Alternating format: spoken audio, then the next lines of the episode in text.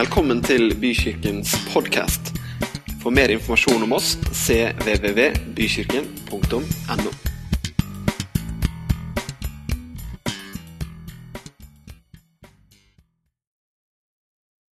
Tusen takk for muligheten til å være her.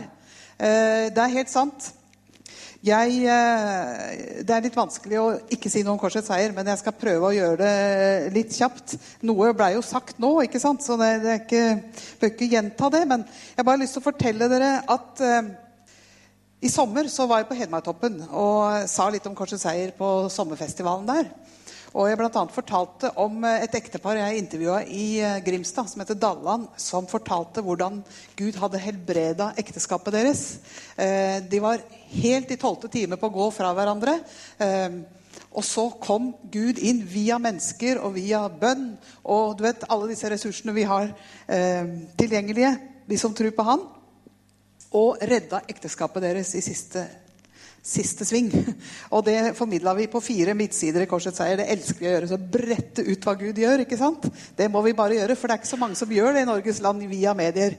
Så, så gjorde vi det, og så var jeg på, sto jeg på stand for Korsets seier etterpå, etter møtet, og så er, kommer det en mann til meg sånn i ja, ca. Eh, 40 år var han vel, og så sier han du, den avisa med det ekteparet, kunne, kunne jeg fått det? Eh, kunne du sendt meg det? Så sa jeg ja, det kan jeg gjøre. Ja, Du skjønner at vi er, jeg og kona mi vi er i samme situasjon i dag. Og jeg har så lyst til at eh, jeg skal få den avisa av deg, og så skal vi sette oss ned en siste gang. Og jeg skal lese den artikkelen for henne. Og så skal vi gi ekteskapet vårt en sjanse til. Og det, Jeg sendte jo med glede den avisa, og bare et par uker etterpå så fikk jeg en mail fra han. og Så forteller han at vi satt sammen. Vi leste denne, eh, denne artikkelen, og vi bestemte oss for vi skal gi ekteskapet vårt en ny sjanse. Og amen. Det er bare én av mange historier jeg kunne fortalt om eh, hva som skjer når Korsets seier kommer i postkassa til folk. Eh, jeg kunne også fortalt om familien som slåss hver fredag om å lese KS først. Og nå er ikke vi sånn som backer slåssing i familien. men men vi syns det er veldig greit når du slåss for en god sak. ikke sant? Så, så, så, han- og han eh, fortalte meg Han sa tusen takk for at dere helt av seg sjøl, ja, hvis du er abonnert, da, får KS i postkassa hver fredag. Og at dere har dere hjelper oss å holde fokus, dere hjelper oss å se det store bildet. Dere hjelper oss til å legge til side noen av de negative eh, nyhetene av og til, som på en måte sluker oss, som trykker oss ned, som gjør at vi mister håp, vi mister tro på framtida, vi bekymrer oss for barna våre, økonomien vår, eh, krig Alt som muligens kan skje. Og så hjelper det oss å sette fokus på Jesus, hvilke muligheter vi har gjennom han. Eh, Hvilke liv vi er kalt å leve midt i stressa eh, hverdager med mye unger og jobb og mange ting som, som livet skal strekke til for. Så hjelper Korset seier oss med å sette fokus i livet. Skjønne hvorfor vi er her, hva vi lever for, hva som er hensikten med våre liv. Og jeg tror jo ikke at Korsets seier er det eneste eh, saliggjørende. Først og fremst må vi lese Guds ord og, og bli fokusert gjennom det. Men jeg tror det er veldig viktig at vi som kristne er bevisste på hva vi fyller sinnet vårt med, og at vi gjør det lett tilgjengelig. At vi gjør noen grep som gjør at yes, hver uke kommer det noe nytt som hjelper oss å ha rett fokus i livet, som kan inspirere oss, motivere oss, som øker troa vår fordi vi leser om hva Gud gjør i dag, som også hjelper oss å se hva skjer rundt omkring i Norge og i verden. Hvordan går Gud fram? Menigheter plantes, unge mennesker får tak i evangeliet. Det skjer faktisk tegn og under. Det trenger vi. Vi trenger de gode nyhetene. Så det var reklamen i dag for Korsets seier. Eh, hvis du vil, så står det en stand her ute, og du kan koble deg på. Det koster litt over en hundrelapp i måneden å få Korsets seier. 48, nesten 50 nummer i året rett i postkassa di. Du har råd til det hvis du prioriterer. Og eh, jeg vil anbefale det på det sterkeste. Og har du det sjøl, gi det til noen andre. Det er vel anvendte penger, vil jeg si. og så er det mange som sier ja, vi er innom på nett. Og det er veldig bra. Der får du bare noen små smakebiter. Du får absolutt ikke alt som står i papiravisa. Og det vi forsøker å lage, det er jo en sånn en sånt helgemagasin du, som du kan sette deg ned i godstolen din, og så kan du eh, hente fram litt kaffe fra Nespresso-maskinen din, og så kan du sette deg ned og lese disse litt dypere artiklene. Eh, og så Du kan ta det opp igjen, og du kan vise eh, kona di eller mannen din eller barna dine og si 'Les her hva Gud gjør'. Høres det greit ut? Ja. Jeg er sikker på Alle her har sikkert korsets seier, så dette var helt forgjeves. Men om det skulle være noen, så, så er du hjertelig velkommen til å, å, prøve. Og det er sikkert noen som, jeg tror det er noen som skal hjelpe meg der ute hvis ikke jeg er kjapt nok ute til å, å fylle ut skjemaene der ute i foajeen etterpå. Da sier vi Hva sier vi i sånn TV-greier? At vi break, og så går vi over på på neste. For det er klart at uh, når jeg kommer her i dag, så er det først og fremst for å dele evangeliet uh, og det som Gud har lagt på hjertet mitt. Og det korresponderte veldig bra med det temaet som dere har for høsten. Det å dele tro med andre. Og eh, dere tenker vel kanskje at jeg som redaktør i Korsets Seier lever i en sånn liten boble med bare pinsevenner rundt meg hele tiden. og godt kristne mennesker. Og ikke har noe føling med liksom verden rundt. Men det stemmer ikke, altså. For eh, i mitt daglige liv så Jeg går jo i eh, intro, eh, pinsemenigheten Intro i Drammen. Og eh, jeg har mine nevøer, som er da et halvt liv yngre enn meg, som mine åndelige ledere. Det har jeg veldig godt av. og den menigheten er ikke, sitter i lederskapet der sjøl også, så de har noen seniorer med. Uh, og der er ikke så mye sånn fjerdegenerasjons pinsevenner i den kirka der. Og det syns jeg er så befriende deilig. Der er det mennesker som kommer rett utenifra, og som har opplevd Jesus. Og veldig mange unge som da ligger mitt hjerte veldig nær. Tenåringer, ungdommer, som kommer fra brutte relasjoner, vanskelige hjem, har med seg masse bagasje, som ikke har et et, et, koselig hjem å komme hjem til etter at de kommer hjem fra intro. Jeg har huset fullt av dem av og til. Eh, ikke av og til, hver uke. Så, eh, så, fyller jeg huset mitt med unge folk og får lov til å være mentor og veileder og samtalepartner. Og det er utrolig fantastisk å, å møte dem. Og jeg husker ei jente som eh, møtte meg med tårer i øya forrige søndag jeg kom til intro. Hun er 17 år, og hun eh, kommer fra en veldig ødelagt familierelasjon. Eh, men Gud har gjort store ting i livet hennes. Og hun er eh, en av medlederne nå. Så, så sier hun i dag kommer mamma på møte. Kan du møte ham med en kopp kaffe? Å, oh, yes! Jeg var inne og henta kaffen med en gang og sto klar. Og vi når mennesker gjennom å nå én, så når vi en annen. Og så når vi familier, og så når vi slekter, og så når vi venner. Og så har vi hele tida kontakt med nye mennesker som ikke kjenner Jesus fra før. Og eh, i det siste, vet du, gjennom Facebook, det er fantastisk, så har jeg fått kontakt med folk som jeg var ungdomsleder for i Philadelphia i Drammen for 30 år siden. Nå har de blitt 40-45 år. Og så får vi kontakt igjen. Og jeg har hatt flere kaffe med sånne mennesker som har falt fra troen. Som har, ja, de har kjørt seg fast et eller annet sted i livet. Og i dag har de kommet tilbake. Fordi vi har hatt tid til å ta en kaffe sammen. Så ikke undervurder kaffen, altså. Det vil jeg si. Jeg kommer tilbake til den. jeg må gratulere dere bare fordi dere er opptatt av å dele troa med andre. Dessverre så er det jo faktisk sånn at jeg har i hvert fall sett gjennom jobben min i Korsets seier at 80% av menighetens aktiviteter og arbeid er ofte retta innad. ikke sant? Innover mot oss sjøl. Det er veldig viktig å fostre disipler. ikke sant? Det er en del av oppdraget. Men det å hele tida berøre nye mennesker med evangeliet om Jesus, det er fortsatt vårt viktigste kall og oppgave som enkeltmennesker, du og jeg, og som kirke. Det står i 2. Timoteus kapittel 1 og vers 9 at vi er frelst, men også kalt. Ja, vi er frelst, men han kalte oss også med et hellig kall, står det. Vi lever med en hensikt, hver og en av oss. Og vi må bare begynne å leve ut den identiteten der. Vi er ikke bare frelst. Vi har ikke bare frelsen på baklomma og som en sikkerhetsventil liksom, til når, når livet en gang er slutt. Vi er kalt. Du er kalt med et hellig kall. Og Så står det videre i det verset at Det er pga. Guds vilje og Hans nåde. Det er ikke pga. at vi er så fortreffelige, så fantastiske, så eh, faglig kompetente eller ja, alt det her. ikke sant? Nei, det er pga. at han vil det. Hans vilje. Og pga. hans nåde. Dermed så er vi alle kvalifiserte. Ut fra det personlige kjærlighetsforholdet til Jesus som vi har, så vokser det fram et oppdrag om å vinne mennesker. Jeg tror at sunne kirker de har fokuset utover. Og det fins masse velsignelse, liv, glede og begeistring og sunnhet i det. ikke sant?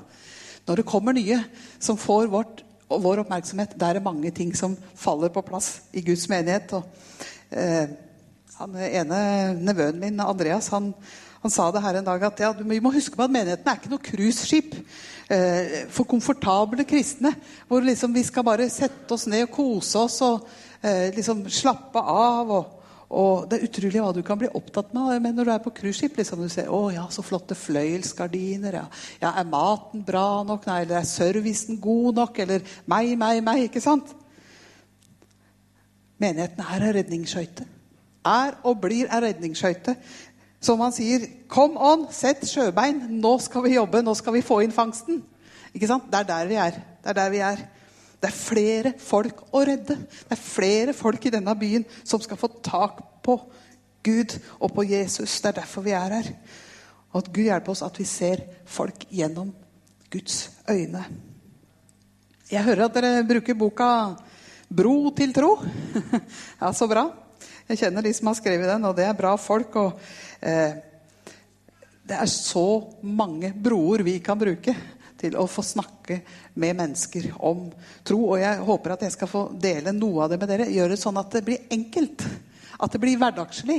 At det blir vanlig. At det blir normalt. Eh, og jeg liker ofte å ha Jesus som forbilde når jeg ser på sånne ting. Fordi han var genial på så mange måter. Altså, selvfølgelig, han var frelser, og han, han først og fremst det. Men han er også et utrolig forbilde i for, hvordan vi kommuniserer med mennesker enkeltmennesker, ikke minst.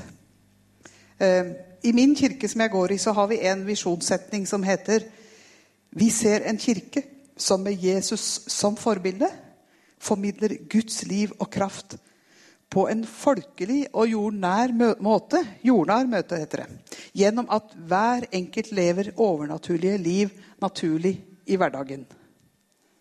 Dere har sikkert noe lignende her. Jeg vet ikke, jeg har ikke sett alle visjonssetningene deres. men skal vi se hva vi kan lære av Jesus i dag da, om akkurat det.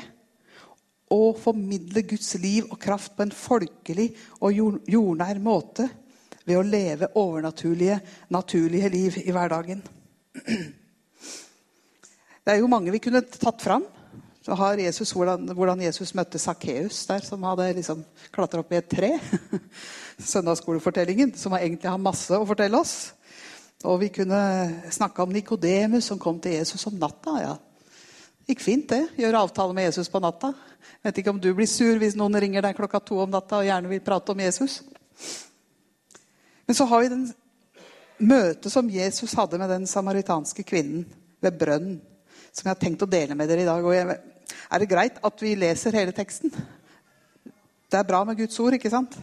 Jeg har den her fordi jeg har sånn litt rart syn. Så dette her blir litt smått for meg. Så jeg har det her. Altså jeg leser fra Bibelen selv om det ikke ser sånn ut. Vi får det kanskje opp på, på storskjermen også. Det står i Johannes 4, fra kapittel 5 og utover der. skal vi lese et stykke. Og der kom han til en by som het Sykar, like ved det jordstykket Jakob ga sin sønn Josef. Der var Jakobskilden. Jesus var sliten etter vandringen, og han satte seg ned ved kilden. Det var omkring den sjette time. Da kommer en samaritansk kvinne for å hente vann, og Jesus sier til henne, 'La meg få drikke'. Disiplene hans var nå gått inn i byen for å kjøpe mat, og hun sier, 'Hvordan kan du som jøde be meg, en samaritansk kvinne, om å drikke?' For jødene omgås ikke samaritanere. Jesus svarte, om du hadde kjent Guds gave og visst hvem det er som ber deg om drikke, da hadde du bedt ham, og han hadde gitt deg levende vann. Herre, sa kvinnen, du har ikke noe å dra opp vann med, og brønnen er dyp. Hvor får du da det levende vannet fra? Du er vel ikke større enn vår stamfar Jakob? Jeg husker bare visst. Han ga oss brønnen, og både han selv, sønnene hans og buskapen drakk av den. Jesus svarte, den som drikker av dette vannet, blir tørst igjen. Men den som drikker av det vannet jeg vil gi, skal aldri mer tørste. For det vannet jeg vil gi, blir i ham en kilde med vann som veller fram og gir evig liv. Kvinnen sier til ham, Herre, gi meg dette vannet. Ser du hun begynner å lengte? Gi meg dette vannet, så jeg ikke blir tørst igjen og slipper å gå hit og hente opp vann. Da sa Jesus til henne, gå og hent mannen din, og kom så hit. Jeg har ingen mann, svarte kvinnen. Du har rett når du sier at du ikke har noen mann, svarte Jesus. For du har hatt fem menn, og han du nå har, er ikke din mann. Det du sier, er sant. Herre, jeg ser at du er profet, sa kvinnen. Våre fedre tilba Gud på dette fjellet, men dere sier at Jerusalem er stedet der en skal tilbe. Jesus sier til henne, 'Tro meg, kvinne, den time kommer da det verken er på dette fjellet eller i Jerusalem dere skal tilbe Far.' 'Dere tilber det dere ikke kjenner, men vi tilber det vi kjenner, for frelsen kommer fra jødene.' Men den time kommer, ja, den er nå, da de sanne tilbedere skal tilbe Gud i ånd, Far i ånd og sannhet. For slike tilbedere vil Far ha. Gud er ånd, og den som tilber ham, må tilbe i ånd og sannhet. Jeg vet at Messias kommer, sier kvinnen. Messias er det samme som Kristus. Og når han kommer, skal han fortelle oss alt. Jesus sier til henne, 'Det er jeg, jeg som snakker med deg'. Jeg syns det er en sånn utrolig vakker beretning om en enkel samtale, men som får evige resultater. For en prat, altså. Ikke midt i en kirke, ikke i, på et uh, veldig forberedt, godt sted hvor en god samtale kan foregå. Det var rett og slett ved brønnen der ute, hvor folk samles for å få tak i vann. Der møtte Jesus denne kvinnen. La oss be først. Jeg bare skal prøve å legge ut litt om denne, denne teksten. Så ber vi at Gud skal hjelpe oss å se. Jesus, takk for at du er her. Takk for at ditt ord er som en lykt for vår fot og en lys på vår sti. Takk for at du skal åpenbare noe for oss her i dag. Noe mer enn det jeg sier. Takk, Hellige Ånd, for at du åpenbarer og du peker på Jesus for oss. Jeg ber om nåde til å snakke fra hjerte til hjerte i Jesu navn. Amen. Jeg syns vi ser en veldig typisk hverdagssituasjon her. Du kan sikkert kjenne deg igjen i det. Jesus hadde jobba og gått hele dagen. Han var sliten. Han var trøtt. Han hadde talt for tusener. Han hadde gått langt, og han trengte hvile. Han trengte i hvert fall ikke et pratesalig menneske. liksom. Ikke sant? Har du vært med på det? Jeg pendler Oslo-Drammen hver dag. Og, og, jeg må jo bare si at av og til så er jeg ikke klar for en samtale. Du har prata med folk hele dagen. Du er sliten. Du tenker jeg vil bare være for meg sjøl nå. La meg lukke igjen øya, sette på hodetelefonen og bare liksom være i fred. Lange dager på jobb. Nei, du orker ikke. ikke sant? Håper at folk ikke skal begynne å snakke med deg. Så er jeg så fantastisk fascinert av den holdningen som Jesus har i møte med denne kvinnen. Han er våken for at Gud leder han i det hverdagslige. Uten de store åpenbaringene, uten at et eller annet ting blir skrevet på veggen. Men han er bare klar. Han veit hvilken hensikt han er på jorda for. Han veit hvorfor han er her. Han, hvor, han veit at ingenting i Guds rike skjer tilfeldig. Han er klar når anledningen byr seg. Jeg vet ikke om du har hatt en sånn opplevelse. At du har fått en liten innskytelse. Jeg skulle tatt en telefon. Jeg, skulle, jeg, må, jeg må kjøre tilbake. Plukke opp hun der. ta en telefon, si noe. Jeg har hatt noen sånne innimellom, og fantastisk å oppleve at hver gang så har det vært noe som Gud ville. Tilfeldige møter som du har med mennesker i din hverdag, trenger ikke være så tilfeldige. Det er kanskje ikke så veldig liksom, at du får det i tungetale og tydning eller i profetisk budskap at du skal snakke til det mennesket. Det er anledninger som byr seg, som du får. Er du klar? Er vi fokuserte? Sånn at vi er klare. Til og med en mandag morgen når vi er slitne etter å ha hatt en hel dag i kirka her og kokt kaffe og snakka med folk. Og... Ja, mandag morgen kan bli et sånt guddommelig møte hvor du kan få gi et glimt av himmelen til et menneske.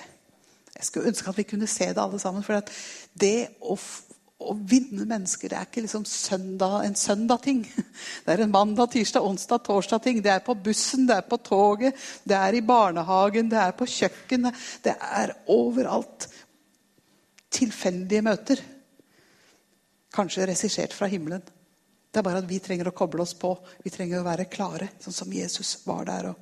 Jeg ble så inspirert av ei jente jeg hørte, hun heter Sandra. Hvordan Den hellige ånd kan lede oss i hverdagen. Hun hadde vært på ungdomsmøte fredag kveld og hadde fått undervisning om dette, at Den hellige ånd kan lede oss i hverdagen. Eh, sånn som vi snakker om nå. Og så tenkte jeg dette skal jeg prøve ut. Så lørdag morgen så sto jeg opp, pussa tenna, sa hei til seg sjøl i speilet. og tok fem minutter med Gud og så ba kjære Gud, hjelp meg i dag. Å være våken for mennesker som trenger meg.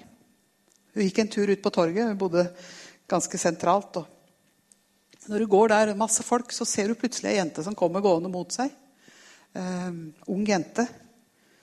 Hun eh, går og snakker i telefonen, men når hun kommer nærmere, så ser Sandra at uh, tårene renner. og Hun ser så lei seg ut. Ser så trist ut.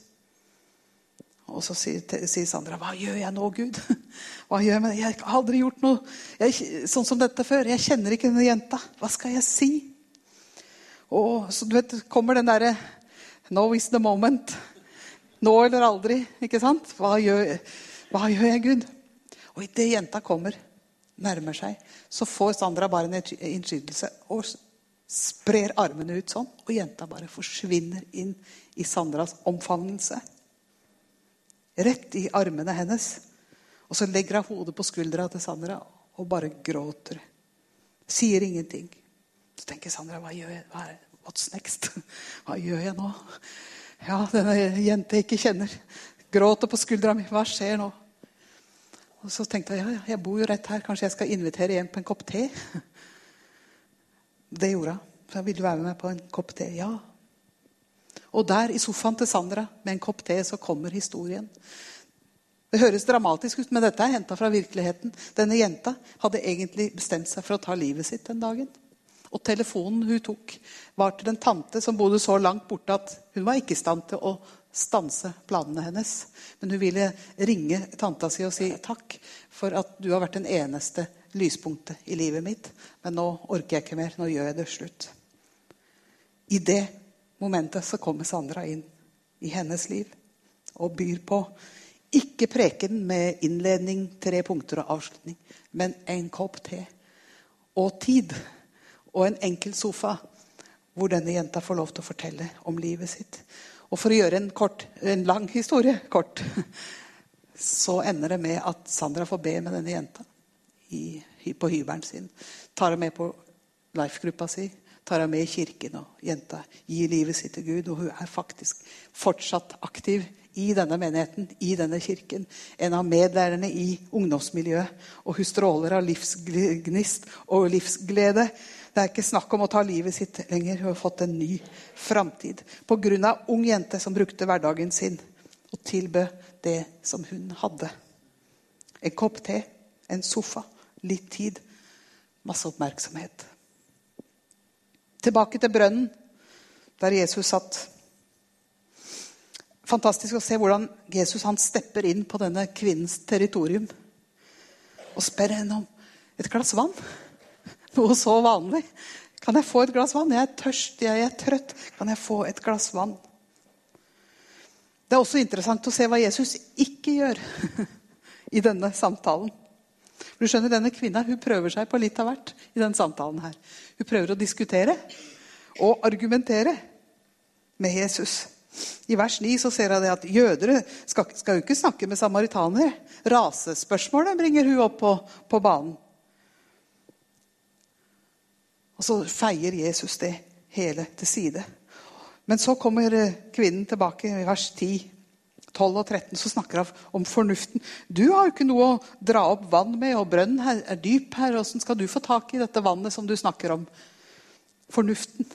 Ikke sant? Så prøver kvinnen seg igjen, og så sier hun ja, men hvor skal vi be? Skal vi be på dette fjellet, eller skal vi be Jerusalem og religion? Ikke sant? Religiøse ting. Hvor skal vi be? Hva? Ikke sant? Jesus skygger unna alle disse menneskeskapte barrierene, og så snakker han rett til hjertet på denne kvinnen. Du skjønner, argumentasjoner og diskusjoner det vinner aldri menneskers hjerter. Det er så fristende. Oh, jeg er så frista mange ganger sjøl. Jeg ser noen dumme diskusjoner på Facebook som tar helt av om noen teologiske temaer. Og, og du, du, klør i fingra, særlig jeg som jeg skriver litt bedre enn jeg snakker. Og, og du får så lyst til å bare kjøre på liksom, med argumenter og diskusjoner. Og, ikke sant? Det er så fristende. Men jeg kan bare fortelle deg at diskusjoner og Eh, og argumentasjoner, det er ingen god måte å vinne menneskers hjerter på. Så det er så fantastisk å se hvordan Jesus han bare drar denne samtalen vekk fra rasespørsmålet, fra religion og, og fra fornuften. Og så snakker han om de viktige behova vi har som mennesker. Han tar heller ikke den belærende rollen. Liksom. Ja, nå skal du høre. Dette er sannheten, og du tar feil. ikke sant? Eh, han, ikke, han, han framstår ikke som den som kan det. Han snur hele flisa. Kvinnen får mulighet til å gi. Hun får lov til å betjene han. Gi han noe av det hun har. Er så lett for oss å ta den belærende rollen når vi skal dele troa vår. Kanskje at ja, vi er litt bedre. Gir litt inntrykk av at vi, vi, har skjønt det. ikke sant? Kanskje hadde vi tjent på en litt mer ydmyk approach, eller? Eh, kanskje stille noen spørsmål om livet til de vi snakker med. Istedenfor å levere alle svar fra starten. Og kanskje svar som denne personen aldri har stilt spørsmål om. ikke sant? Det er jo faktisk det Jesus gjør. Jeg syns det er så genialt. Han bare, Jesus skygger unna diskusjonene, argumentasjonene, eh, rasespørsmålet, fornuften, religiøse ting.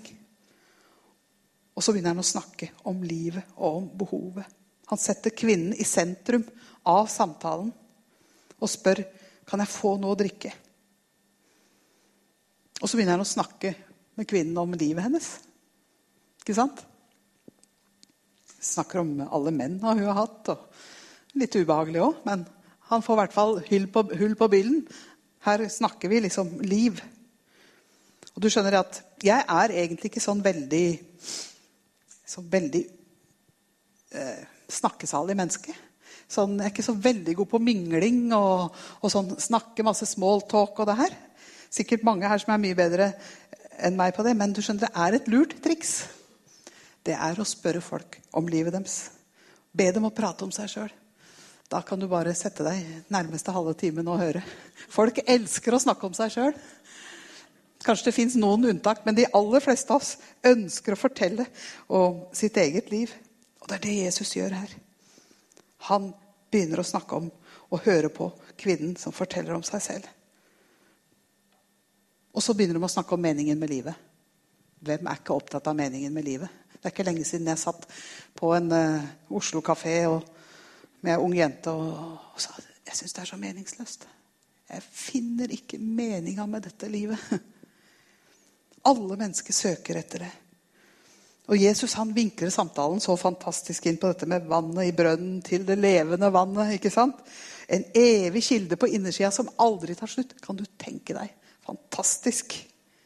Sånn som alle mennesker tørster etter kilden til liv. At du ikke hele tida må hente det i underholdning, i ting som skjer, i, i, materielle goder, i nytt hus, ny bil. Det er en kilde innenfra. Så tenk, tenk å få del i den kilden som bare veller fram innenfra. Som gjør at du kjenner at 'yes, jeg lever. Jeg har svaret her inne'. Jeg veit hvorfor jeg lever. Jeg veit hva som er meninga med livet. Kilden til liv er på innersida, den som tror. Du skjønner, du og jeg vi kan få lov til å dele denne personlige erfaringen vi har med Jesus.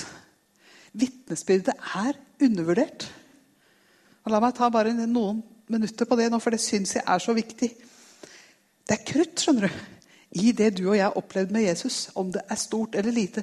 Til og med de vanskelige periodene. Som Gud har vært der. Vi trenger å trene oss på å snakke ut hva vi har opplevd Jesus, med Jesus i livet våre. Vi trenger å trene på å sette ord på hva han har gjort. Stort eller lite. Som regel er det stort. Du trenger ikke være teolog for å, for å dele vitnesbyrdet ditt. Du trenger ikke å ha tre år på MF eller på bibelskole. eller Du skjønner at du har en ressurs med deg når du bare åpner munnen din og snakker. Da er Den hellige ånd der og åpenbarer hvem Jesus er. Ikke fantastisk? Vi trenger ikke bare regne med, vår, med oss sjøl, våre egne talegaver, vår egen overbevisningsmulighet eller, eller talemåter eller ord. Den hellige ånd er der. Jeg liker det engelske ordet The Holy Spirit comes alongside us. Jeg ser det for meg. Liksom, whoops. Når du åpner din munn og begynner å bekjenne hvem Jesus er, hva han har gjort i livet ditt, hva han, hvordan han hjelpa deg i ulike situasjoner, hvordan livet ditt ble forandra når du kobla det på han, da kommer Den hellige ånd. Og så går den rett til hjertet på den du, du, du snakker til, og overbeviser. Sånn er Den hellige ånd. Åpenbarer hvem Jesus er når du begynner å snakke. Fantastisk. Snakk om å leve vanlig, men veldig uvanlig og overnaturlig. Det er den muligheten vi har. Og Jesus videre, han snakker om det evige livet. Skjønner, Mennesker ønsker å få svar på hvor ender jeg hen? Hva skjer når jeg dør? Hva er, hva er liksom endepunktet? Så tar, tar, du liksom livets to utganger, og det er en annen diskusjon, vekk fra evangeliet. Hva har du da, liksom? Ordet om evig liv snakker Jesus om. Og han appellerer til dette ved å snakke om at det fins et liv som aldri tar slutt. Så snakker Jesus om synd nå. Nå er vi liksom inne i et studie denne, i denne samtalen. Da, ikke sant? Det er ikke en sånn dyp teologi her i dag, men det er veldig praktisk. Han snakker om synd nå. Wow, kan vi snakke om synd? Ja, vi kan det, skjønner du, men det er litt viktig hvordan vi snakker om det. Eh, han snakker om synd i innoverform. Ikke utover. Han snakker om at synd er noe som vi alle har et problem med, og som vi trenger hjelp til. Hjelpen ligger i relasjonen med Gud. Du skjønner, Det er viktig at vi får formidle at vi er ikke kristne fordi vi har fått det til. Vi er ikke kristne fordi vi er så perfekte, eller at vi har sett noe ingen andre har sett. og fått det til. Da stenger jo døra helt. ikke sant? Vi begynner med det. Nei. Vi er kristne nettopp fordi vi ikke har fått det til. At vi ikke har muligheter i egen kraft. At vi alle er like hjelpeløse overfor Gud. Alle i utgangspunktet like syndige overfor Gud. Derfor trenger vi Jesus. Jeg trenger Jesus. Du trenger Jesus. Vi er på lik linje, alle. Vi trenger alle tilgivelse. Fordømmelse, det setter ingen fri. Jesus lærte oss noe viktig. At vi ikke kommer med fordømmelse. Ikke bedrevitende holdninger. Ikke 'jeg har skjønt det'. Men vi snakker ut ifra vår egen situasjon. Vi er ingenting uten Gud. Vi er ingenting uten det Jesus har gjort, Jesus har gjort for oss. Og med det så kan vi nå inn til hjertene. Jeg vet ikke, Har du lært noe så langt? ja. Vi kan være helt vanlige mennesker. Kanskje vi ikke setter, på, setter, oss på så mange brønner. Det er ikke så mange av de i Norge. Men du vet, du dine arenaer. På kafé, kjøkkenbordet ditt hjemme. De du møter på barnehagen når du henter barna. Kollegaene dine, familiemedlemmene dine. Naturlige situasjoner, kanskje helt fremmede mennesker som du møter. Sånn som Sandra. Det fins et sted, det fins mennesker hvor du kan være redningen for. Med ditt enkle vitnesbyrd, med ditt enkle spørsmål 'Hvordan har du det?' og din enkle bønn til Gud 'Hjelp meg å være fokusert på deg i dag'. Og så ser vi Jeg elsker å se på ringvirkningene av den samtalen som Jesus hadde med den samaritanske kvinnen. skal jeg prøve å være kort. Men eh, vi må snakke litt om det. For det som skjer, det er at denne kvinnen får møte Jesus. Hun får se hvem han er. Livet hennes blir forvandla. Og hun forteller det videre til de andre i landsbyen. ikke sant? Det står i vers 28 kvinnen lot vannkrukka si stå. Hun glemte hele greiene hun var der for. egentlig. Og så gikk hun inn i byen og sa til folk Kom og se! En mann som har fortalt meg alt jeg har gjort. Han skulle vel ikke være Messias? Hun visste ikke helt hvem han var. Hun bare visste at uh, han hadde gjort noe fantastisk i livet hennes. Du skjønner, du, Helt fersk kristen. Hun visste ikke helt teologien eller noe som helst. Hun bare visste at hun var blitt forandra. Og Gud kunne bruke det. Og Da står det videre at mange av samaritanerne fra denne byen kom til tro på Jesus pga. kvinnens ord. Denne kvinnen som knapt nok enda visste hva som hadde skjedd med seg. Han har fortalt meg alt jeg har gjort, sier hun. Og nå kom de til ham og ba ham bli hos dem. Og han ble der to dager i denne landsbyen. Da ble det vekkelseskampanje pga. denne kvinnen ved brønnen. Og mange flere kom til tro da de fikk høre hans eget ord. Og de sa til kvinnen, 'Nå tror vi ikke lenger bare pga. det du sa.' 'Vi har selv hørt ham, og vi vet at han virkelig er verdens frelser.' Da ble det vekkelse. Du skjønner ringvirkninger. At du når én person på bussen, på toget, ja, i lunsjpausen med evangeliet. Du aner ikke resultatene av det. Kom og se. Det var det viktigste denne kvinnen sa. Kom og se. Du trenger ikke alle svara. Du trenger ikke ha lest 110 sider i boka om trosforsvar. Og, og, det er veldig bra at du gjør det, altså, for vi trenger det i dag. Men du kan bringe mennesker til Jesus bare ved å si 'kom og se'. Det var en annen som sa 'kom og se'. Det var Philip. Philip hadde møtt Jesus, og så sa han til Nathanael du må, Jeg har funnet han som Moses har skrevet om i loven, og profeten har skrevet om. Det er Jesus fra Nasaret. Så sier Nathanael han er litt skeptisk. Veldig skeptisk, egentlig. Så kan det komme noe godt fra Nasaret? Nei, det har jeg ikke noe tro på. Philip han bare ser det for meg liksom bare litt sånn oppgitt. Hva skal jeg få sagt for å overbevise han er stabeiste her? Liksom. Jeg, ikke, jeg kan ikke få si noe mer enn det jeg allerede har sagt. Så han sier bare Kom og se. Kom og se, da. Og så ser vi hvordan eh, Philip bringer Nathanael til Jesus. Og så sier Jesus når Nathanael kommer gående, se, der er en sann israelitt. En som er uten svik. Hvor kjenner du meg fra? spurte Nathanael. Jesus svarte, 'Jeg så deg før Philip ropte på deg.' Du skjønner, Jesus han visste om Philip, om Nathanael, lenge før han ble født. 'Jeg så deg når du satt under fikentreet.' Da sa Nathanael, 'Rabbi, du er Guds sønn. Du er Israels konge.' Plutselig fikk han se. Det ble åpenbart for han hvem Jesus var. Og Jesus på sin side Når bare Philip gjorde den enkle gesten at han inviterte Nathanael med seg og sa 'kom og se sjøl', så skjedde det noe i det møtet. Jesus beviste at han var Guds sønn, og Nathanael trodde.